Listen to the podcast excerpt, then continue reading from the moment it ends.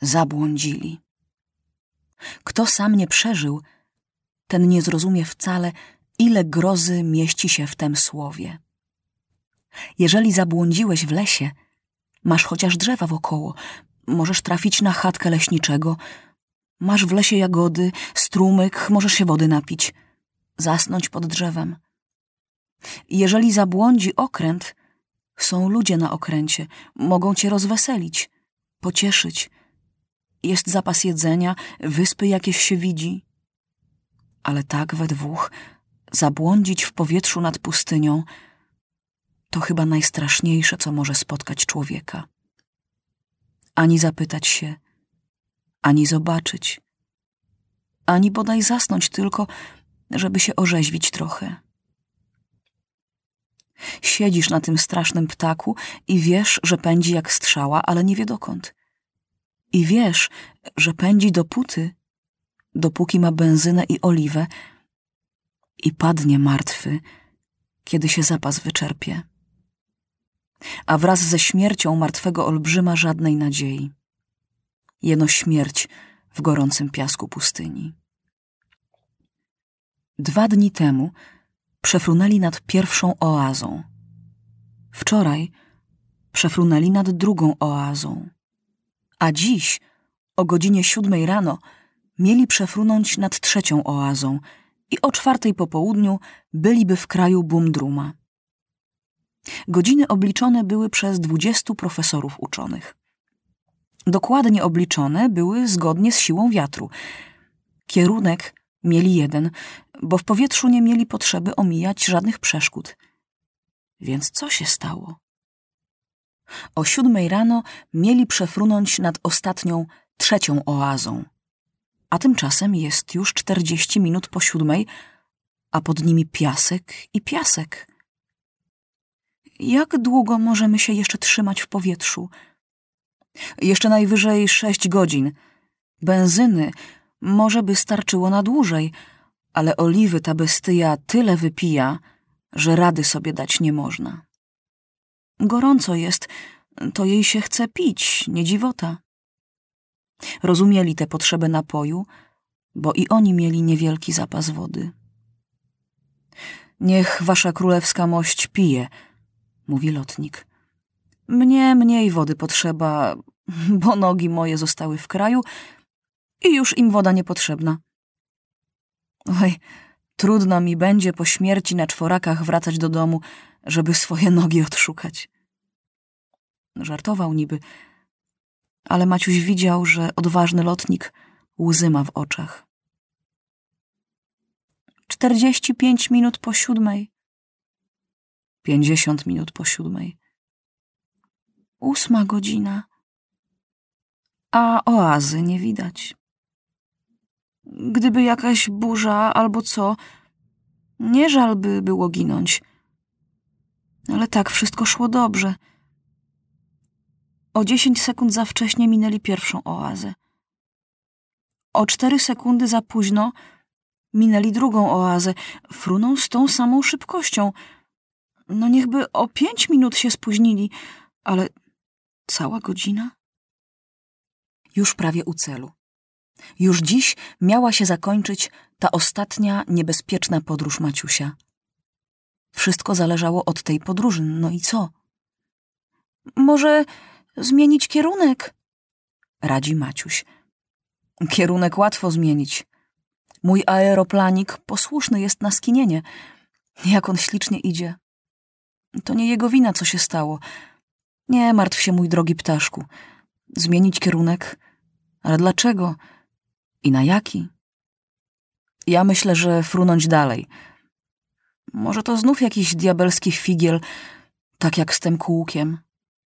Bo w jaki sposób ono zginęło i dlaczego się zaraz znalazło? Znów chcę pić motor. Masz, durniu, kieliszek oliwy. Ale pamiętaj, że pijaństwo zawsze sprowadza nieszczęście, a ciebie specjalnie marny los czeka. Oaza! krzyknął nagle Maciuś, który nie odrywał oczu od lunety. Tem lepiej, powiedział pilot. Tak samo spokojny teraz w szczęściu, jak przed chwilą spokojny był w nieszczęściu. Jak oaza, to oaza. Spóźnienie o godzinę i pięć minut. To nic strasznego. Mamy zapas na trzy godziny więcej niż potrzeba, bo wiatr nam nie przeszkadza. A no, napijemy się teraz razem. Lotnik nalał kubek wody dla siebie. Stuknął nim o oliwiarkę. Zdrowie twoje, braciszku. I naoliwiwszy maszynę obficie, sam wypił cały kubek wody. Niech wasza królewska mość pozwoli mi na chwilę lunetę. Niech i ja przez moje jedno oko spojrzę na to dziwo. Hmm. Ładne drzewka ma Bumdrum. A czy wasza królewska mość jest pewien, że Bumdrum przestał być ludożercą? Być zjedzonym to jeszcze nie najgorsze, jeżeli się wie, że cię przynajmniej pochwalą, żeś smaczny. Ale ja z pewnością jestem twardy i łykowaty. Przytem bez nóg waży mniej i rosół na połamanych żebrach nie byłby wcale pożywny. Maciuś wydziwić się nie mógł, jak ten milczący człowiek, który prawie nic nie mówił przez całą drogę koleją, nagle zrobił się rozmowny i wesoły. A czy wasza królewska mość jest pewien, że to ta sama oaza? Bo może znów najedziemy na przeklęte piaski, to może już tu lepiej lądować. Tak bardzo znów Maciuś nie był pewien, bo z góry wszystko wygląda inaczej. Ale lądować nie można, bo na pewno spotkaliby zbójców pustyni albo wpadliby w szpony dzikich zwierząt. Może zniżymy lot, żeby się blisko przyjrzeć. A no dobrze, powiedział Maciuś. Frunęli bardzo wysoko, żeby nie było tak gorąco, bo chcieli oszczędzać oliwę. Ale teraz nie mieli potrzeby się obawiać, kiedy zaledwie kilka godzin drogi dzieliło ich od końca podróży. Aeroplan warknął, szarpnął i zaczął się opuszczać. A to co? Zdziwił się Maciuś i natychmiast krzyknął. W górę! Czym prędzej w górę! Jakiś dziesiątek strzał utkwił w skrzydłach aeroplanu. Nie jesteś ranny? Zapytał Maciuś niespokojnie pilota. Ani trochę. Ładnie nas przyjmują te czarne mordy, dodał. Jeszcze parę strzał świsnęło koło aeroplanu i znów wznieśli się wysoko. Teraz jestem pewien, że to ta sama oaza. Zbójcy pustyni nie zapuszczają się zbyt daleko, bo nic by tam nie mieli do roboty. Oni kręcą się w bliskości lasów Bumdruma i obozują w najbliższej oazie. Więc wasza królewska mość jest pewien, że aeroplanem wracać nie będziemy tylko na wielbłądach? Rozumie się, że Bumdrum odeśle nas tak, jak za pierwszym razem. Zresztą w kraju Bumdruma można chyba dostać oliwę, ale benzyny na pewno nie ma. Jeżeli tak, powiedział pilot, można zaryzykować. Porządny maszynista kolei, jak jest spóźniony, dogania, żeby przybyć w porę. I ja tak zrobię. Puszczę z całych sił aparat, żeby wylądować tak, jak napisane w rozkładzie jazdy. Może to już ostatnie fruwanie w moim życiu, więc niech sobie użyje. I puścił motor z taką szybkością, że w minutę mieli już oazę i zbójców daleko za sobą. A strzały nie szkodzą? zapytał się Maciuś.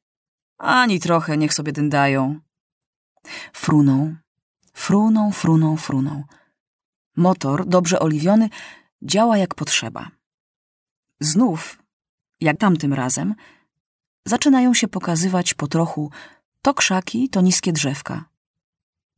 No, mój konik czuje już stajnie, żartuje lotnik. Wypili resztę wody, dojedli zapasy, żeby nie lądować o głodzie, bo nie wiadomo, jak długo trwać będą uroczystości powitania, zanim ich nakarmią. A zresztą nie wypada przyjechać w gości takim wygłodzonym, żeby nie pomyśleli, że oni tu naumyślnie przyjechali tylko, żeby ich murzyni nakarmili. Ostrożnie zaczęli się opuszczać. Zwolnili biegu, bo Maciuś już z daleka dostrzegł szary pasek lasów Bumdruma. No dobrze, mówi pilot, ale czy tam w lesie jest jaka polanka, bo na drzewa przecie nie spadniemy. Co prawda raz lądowałem w lesie, a właściwie nie ja, ale aeroplan mnie lądował. Wtedy właśnie straciłem oko. I ja byłem wtedy jeszcze młody, i aeroplany były młode i nieposłuszne. Akurat przed pałacem, to jest przed królewskim szałasem Bumdruma, była obszerna polanka. I teraz już zupełnie nisko, kołując nad lasem, aeroplan szukał tej polanki. Trochę na prawo, woła Maciuś, patrząc przez lunetę. Za daleko, proszę się cofnąć. Aeroplan zatoczył w powietrzu koło. Znów było niedobrze. W lewo, mniejsze koło, dobrze. O, widzę, widzę. Yy, tak, to polanka. Ale co to? Yy, w górę! krzyknął Maciuś przerażony. Znów wznieśli się wyżej, a do ich uszu dobiegł z dołu taki krzyk, jakby cały las wrzeszczał. Cała polanka przed królewskim namiotem pełna była ludzi.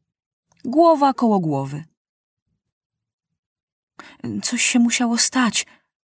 Albo Bumdrum umarł, albo jest jakieś święto. No dobrze, ale nie możemy przecież na łby im wjeżdżać.